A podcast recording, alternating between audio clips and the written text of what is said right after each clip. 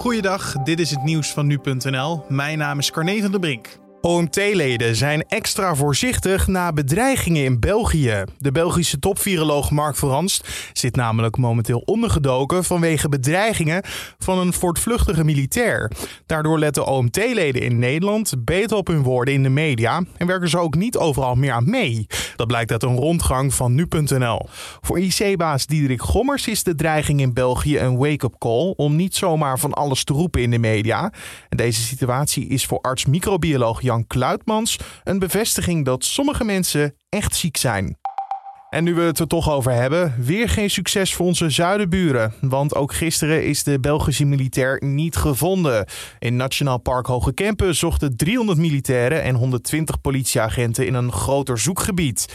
Er werd gericht op drie verschillende plekken gezocht naar Jurgen Konings. Er zijn wel wat spullen gevonden, zo vertelt deze Belgische verslaggever. De spullen zijn meegenomen voor onderzoek, maar eerder om alle risico's uit te sluiten. Er zijn geen indicaties nu dat die spullen ook echt van Konings zouden zijn. Eerder al werd zijn auto gevonden bij het park met een booby trap en ook raketwerpers. China heeft het voorstel van Amerika verworpen om verder onderzoek te doen naar de oorsprong van het coronavirus. China beschuldigt de VS er nu van het onderzoek naar het coronavirus voor politieke doeleinden te willen gebruiken. Amerika wil dat onafhankelijke deskundigen vrije toegang krijgen tot originele data en monsters van het coronavirus uit China. Om zo erachter te komen of het virus van dier op mens is gegaan of dat het misschien gemaakt is in een laboratorium. Johan Derksen zien we vanaf volgend jaar niet meer op tv. Na het EK en de komende sportzomer zal hij nog een seizoen aan tafel zitten bij Veronica Inside.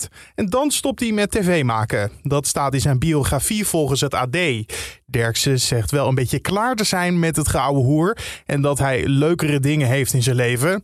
Het liefst wil hij helemaal niet meer herkend worden. Hij is zelfs bereid zijn snor ervoor af te scheren. En tot zover de nieuwsupdate van nu.nl.